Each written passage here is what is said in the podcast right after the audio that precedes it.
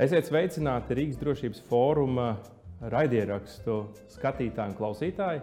Mans vārds ir Mārtiņš Varguls un esmu Latvijas ārpolitikas institūta pētnieks. Šī ir noslēdzošā Rīgas drošības fóruma raidierakstu epizode, kurā pretēji pirmajām, kad vairāk tika diskutēts par nekonvencionāliem jautājumiem, šajā epizodē mēs diskutēsim, analizēsim un runāsim par drošību, par aizsardzību, gan Latvijas, gan arī transatlantisko attiecību un NATO kontekstā.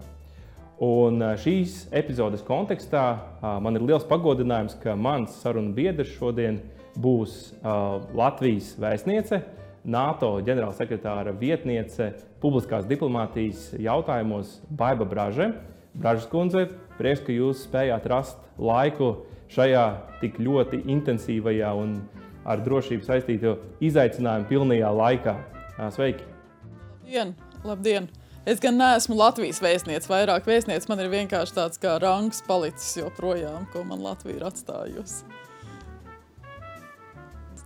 Jā, bet vēsturiskā Latvijas atmiņa un, un darbība noteikti ir klātesoša. Liels prieks, ka jūs arī Latvijas vārdu nesiet NATO, NATO plašajos gaitiņos tik augstā amatā. Šīs epizodes kontekstā uh, ir uzreiz jānorāda, ka mēs arī publicējam publikāciju Deterrence Through Adaptation - The Case Study of Latvia, kas ir tapusi sadarbībā ar NATO publiskās diplomātijas finansiālo atbalstu.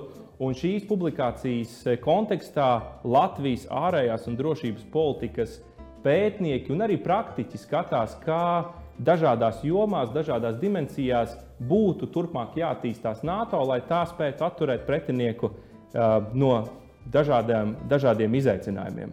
Un um, šīs publikācijas tādā arī um, ievirzēs, gribētu sākt jautājumu un diskusiju ar jums, Bražas kundze, proti, kas jūsuprāt ir bijusi uh, tā veiksmes uh, atslēga vai sekmīguma atslēga, uh, kas ir spējis nodrošināt, ka NATO ir spējusi atturēt jebkāda veida pretinieku, tikai vienreiz tā ir bijusi izaicināta šo visu desmit gadu kontekstā. Um. NATO, protams, ir pasaules vienīgā spēcīgā politiski militārā alianse, un kā mēs paši arī sākām, 30 dalību valstis, kas apvienojušās, lai vienu par otru rūpētos, novērstu draudus, un, ja tāda rodas, būtu gatava atbildēt uz itin visiem draudiem. Un jau vairāk kā 70 gadus tas tiešām arī ir izdevies. Un, un tiešām kā, kā tāda ģimene, 30 valstu ģimene, kuras viens miljards pilsoņu uh, dzīvo mierā un drošībā, uh, tas, tas arī ir tas būtiskākais, kāpēc es domāju, visas dalībvalstis ir pilnīgi uh, cieši nolēmušas un pilnīgi gatavas, ka NATO ir jāpiemērojas arī nākotnē, arī tiem draudiem, kas pastāvīgi rodas, mainas un, un attīstās, lai arī vecie nekur nav pazuduši, vecie draudi un, un klasiskie tomēr parādās arvien jauni draudi, arvien jauni draudi un cita veida draudi. Un līdz ar to arī NATO tas uzdevums ir, ir visiem mums, gan strā, kas strādā NATO civilajā un militārajā galā, bet arī, arī dalību valstīm pašām, uh, tos, tos lēmumus pieņemt un arī tos praktiski īstenot. Jo, jo galu galā nu, drošība ir visa pamats. Ja? Drošība ir ekonomikas izaugsmas pamats, mūsu izglītības sapņu, mūsu bērnu nākotnes un, un mūsu pašu jebkādas tādas esamības pamats. Tā kā, nu, tas ir domāju, tik, tikpat uh, svarīgi kā, kā tāda elementārākā paēšana un vispārējais. Tas, tas NATO ir mūsu uh, mūsu pamats. Ir tāds vienotības jautājums, kā arī atturēšanas uh, elements. Sakiet, lūdzu, uh, kādā pasaulē jūs minējāt, ka izaicinājumi pieaug, mainās, uh, tie ir, ir mainīgi pēc būtības? Kādā uh, pasaulē mēs šobrīd dzīvojam? Kas ir tie galvenie izaicinājumi, ar ko alianses saskaras? Nu, kā jau mēs, teiksim, ja mēs skatāmies uh, uz, uz pašreizējo strateģisko konceptu, kas ir 2010. gadā pieņemts, tad, protams, NATO ir tās trīs uh, pamatlietas, ar ko mēs nodarbojamies - kolektīvā aizsardzība, krīžu vadība un tāda sadarbības ar citiem partneriem attīstība un palīdzība, jā, par, palīdzība partneriem. Un, uh, protams, uh, ka tā visa pamatā ir kopīga draudu izpratne.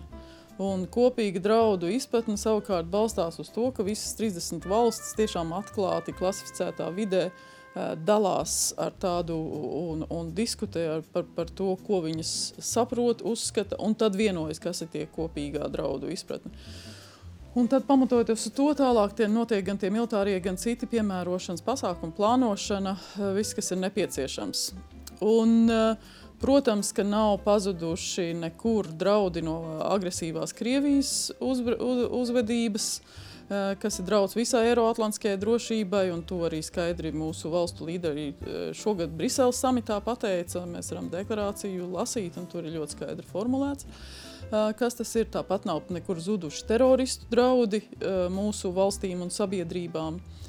Un, uh, Savukārt, ja man prasa, kādi ir tie, tie jaunie draudi, vai draudi, kas nav konvencionāli draudi, vai cita veida draudi, mēs ļoti skaidri zinām, ka viss, kas ir ar tehnoloģiju attīstību saistītās, tādas um, attīstības, vienalga vai tas ir kiberuzbrukums, vai tas ir uh, naidīgas informatīvas uh, rīcības uzbrukums, vai kā šobrīd mēs redzam, uh, dažādas rīcības arī, arī kosmosā vai citur.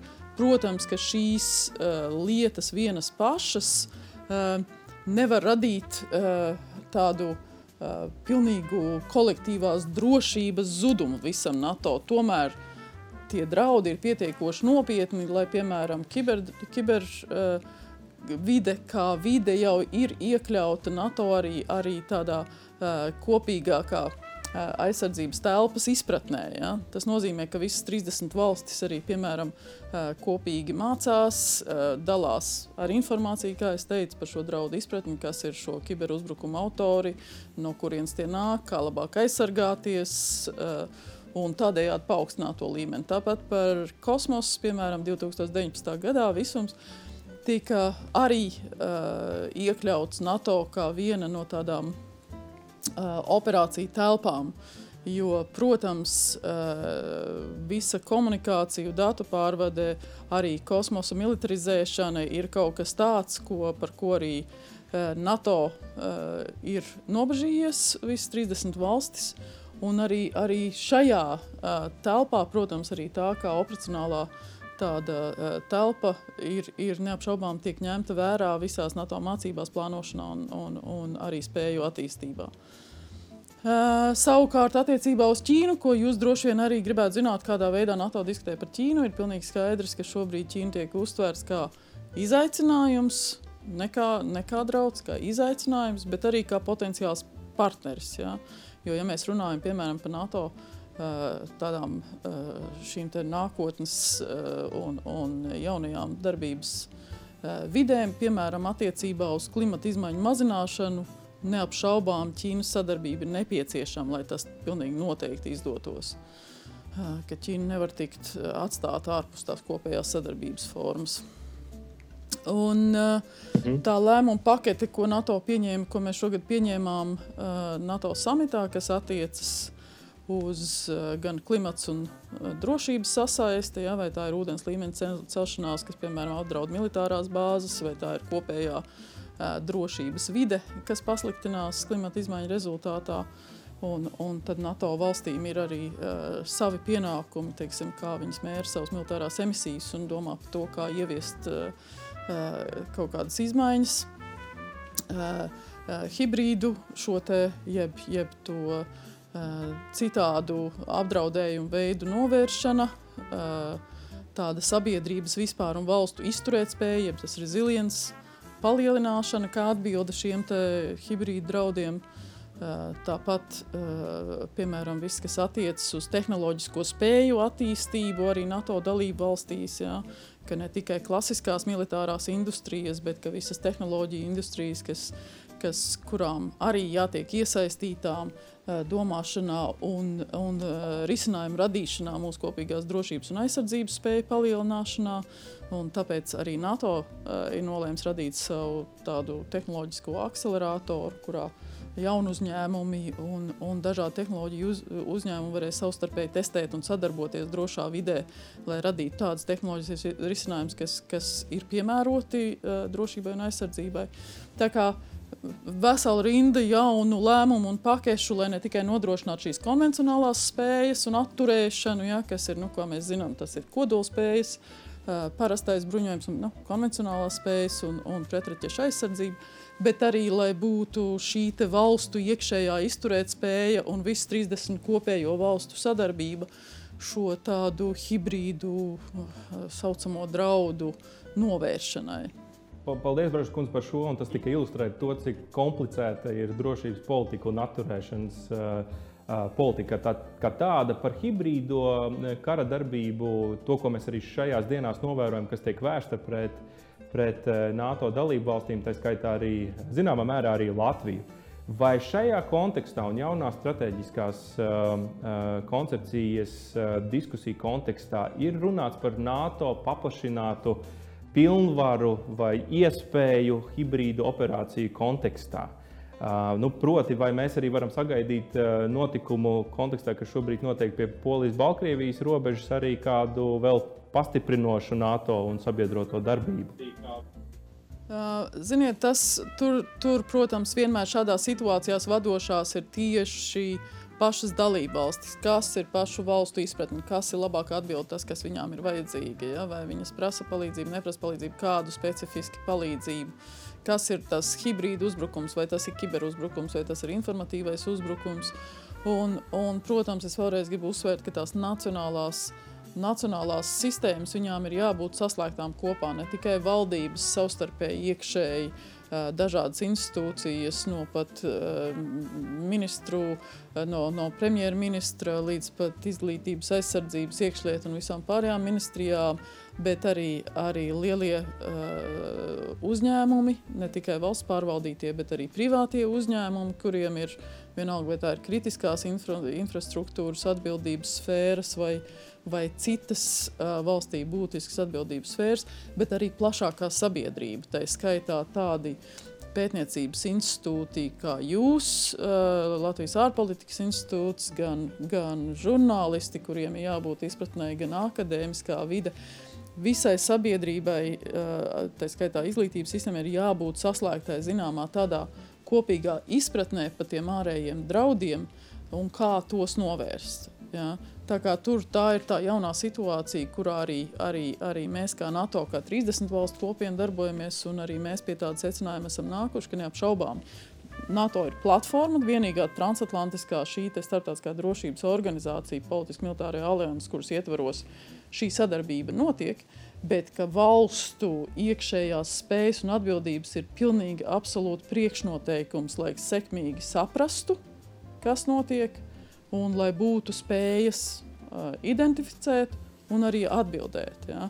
Un tad, protams, tā savstarpējā sadarbība 30, 30 valstu vidē un, un kā es teicu, tā draudu izpratne un tas vispārējais, lai radītu labākās atbildes iespējas, ir nākamais solis. Uh, Un, un, tas arī attiecas piemēram šobrīd uz robežas situāciju, ka neapšaubāmi ja, tajā brīdī, kad Polija vai Lietuva vai Latvija ir nonākuši pie secinājuma, ka tām praktiski ir kaut kādas palīdzības nepieciešamas. Un, un jūs atceraties, ka Lietuva piemēram prasīja no NATO šo hibrīdu draudu atbalstu komandu nosūtīšanai, un NATO to nosūtīja uz Lietuvu. Uh, Un, un tad arī teiksim, savstarpēji pēc tam sabiedrība diskusēja, diskutēja un, un teiksim, palīdzēja Lietuvai. Tad, uh, tas bija, bija ļoti konkrēta rīcība no Lietuvas puses, ko viņi uzskatīja, ka tas bija nepieciešams. Tā kā jā, nu, NATO ir sava loma tajā situācijā, bet tā noteikti nevar aizvietot valstu iekšējo tādu uh, spēku, gatavību un spējas uh, gan identificēt, gan izvērtēt, gan atbildēt. Jūs pieskārāties eh, iepriekšējā atbildē pie izaicinājuma, kas saistās ar Ķīnas Tautas Republiku. Un, eh, jautājums par fokusa maiņu no Krievijas uz jebkāda cita reģioniem vienmēr ir bijis sensitīvs Baltijas valstīm. Ko praktiski, ne tikai praktiski, bet arī uzstādījumos, ko nozīmē adresēt izaicinājumus, kas skar, kas skar Ķīnas Tautas Republikas attīstību, nu, ambiciozo politiku un tam līdzīgi? Ko tas prasītu NATO? Un vai tas, ja drīkst, eh, nevarētu tikt veikts uz, eh, uz šo eh, pasākumu bāzes, ko mēs šeit novērojam Baltijas reģionā? Nu, kā jau arī ģenerālsekretārs vairāk kārt ir teicis, un kā arī NATO, NATO kopīgi 30 valstu izpratni ir, atkal šobrīd Ķīna nav, netiek uzskatīta par tādu tiešu draudu NATO dalību valstīm, bet uh, vienlaikus ir pietiekoši daudz neskaidrības un jautājumu, ja, kāpēc nu, Ķīna attīsta savus kodolspējas tik dramatiski, ko nozīmē to spēju attīstība militāro, tā skaitā kosmosā. Uh, konvencionālās spējas, eh, gan, gan jūras spēki, zemes spēki. Nu, par, par eh, to, ka Ķīna ignorē kaut kādu starptautisko tribunālu nolēmumus attiecībā uz jūras tiesībām. Tāpatās, ja, nu, kas ir tas uzvedības pamats, kur ir, kur ir iemesls tādām. Un tā kā nu, neapšaubāmi arī, arī cilvēktiesību pārkāpumi, tādi uh, arī rīcība iepratim valstīm, tāda piespiedoša e, rīcība. Dažādās valstīs, mēģinot panākt savu, ka tas viss kopumā, tas komplekts ir radījis pietiekoši daudz jautājumus, lai arī NATO diskutētu, ko tas, ko tas mūsu dalību valstīm nozīmē. Ja? Un mēģinātu rast to kopīgo izpratni 30 valstu vidū, kas, kas ir tas. Tas nenozīmē, ka NATO tagad sūtīs kaut kādas militāras operācijas ja, uz, uz e, Ķīnas jūras robežu vai kas tam līdzīgs. Bet, nu, kiberuzbrukumu jūs, jūs šovasar arī redzējāt, dalībvalsts visas 30 jā, skaidri publiski pat paziņoja par Ķīnas kiberuzbrukumu nepieļaušanu un tika identificēts šie te, daļa uzbrukumu, kas bija nākuši no Ķīnas. Nu, Ķīna jau ir pie mums atnākusi ar savu arī rīcību, kas nevienmēr tiek raksturota kā ļoti draudzīga. Jā un ķīniešu hakeri un kiberuzbrukumi tā skaitā ir, ir pietiekoši liels bažas. Tāpat eh, Ķīnas infra, investīcijas kritiskajā infrastruktūrā, ja, kas var ierobežot pēc tam eh, kaut kādas iespējas eh, arī, arī militārām operācijām ātrākām. Vai ir arī privātie uzņēmumi, dalībvalsts privātie uzņēmumi, kas uzskata, ka Ķīnas uh, Ķīnas uzņēmumi negodprātīgi konkurē gan, gan iekšēji NATO dalību valstu tirgos, gan arī izspiežot no citu dalību valstu tirgiem ar, ar tām lielajām subsīdijām, ko Ķīnas valsts veic savos uzņēmumos, tā skaitā tehnoloģiju uzņēmumos. Ja. Megadatu, metadatu apstrāde un to piemērošana, tas viss, kā es teicu, tāds, tāds komplekts, eh, kas ir radījis pietiekoši daudz jautājumu, lai, lai NATO dalībvalsts par to diskutētu un mēģinātu saprast, ko tas nozīmē mūsu drošībai aizsardzībai. 30. novembrī Latvijā notiks arī NATO ārlietu ministru sanāksme, eh, kurā plānots diskutēt eh, par jauno strateģisko koncepciju kā galvenais diskusiju objekts. Um, šajā kontekstā jūsu trīs mājas darbi nākamajai desmitgadē, kas būtu jāizdara NATO, lai mēs turpinātu saglabāt savas pozīcijas kā spēcīgākā militārā organizācija un atturētu pretinieku jebkāda veida dimensijās un jomās?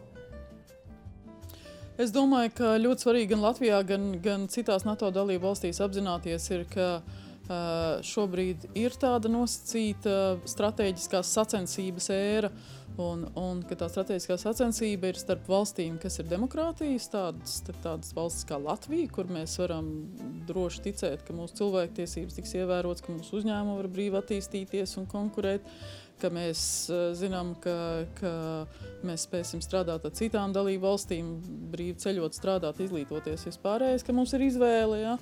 Un tām valstīm, kas ir autoritāras valstis, kuras darbojas uz apspiešanu, savu sabiedrību apspiešanas viedokļu un, un arī starptautiskās piespiešanas principiem, un tā skaitā apdraudot citas valstis.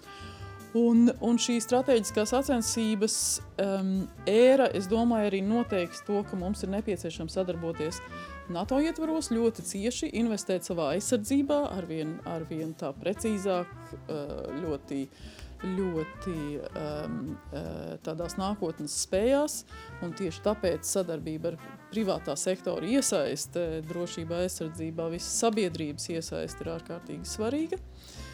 Tā kā tas ir viens, tātad strateģiskā sacensība, investīcija aizsardzībā, tā, tā skaitā visas sabiedrības tādā apzināšanās, un, un neapšaubāmi tas, ka mainās arī uh, tehnoloģija attīstības rezultātā, ka tās vairs nav tikai klasiskās aizsardzības industrijas, bet privātais sektors un visas tās duālās spējas, ja gan, gan civilās, gan militārās spējas nodrošinās to, ka arī nākotnē NATO kā politiski militāra alianse būs tā platforma, kur, kur uh, sadarbosies gan Amerika ar Eiropu, Amerika, Kanāda kā transatlantiskā alianse ar Eiropu, un ka tie draudi uh, nav un tā drošība nav atdalāma viens no otras, ja, ka, tā ir, ka tā ir kopējā viena Eiroatlantiskā drošība, ja, un to var tikai ar sadarbību globāli padarīt vēl spēcīgāku. Tā kā, nu, tas ir tas, tie, tie trīs punkti, ko es gribētu. Paldies, Brāžas kundze, apzinoties jūsu saspringto grafiku ceļu šajā laika posmā. Es saku jums liels paldies. Tas, ko es sadzirdēju,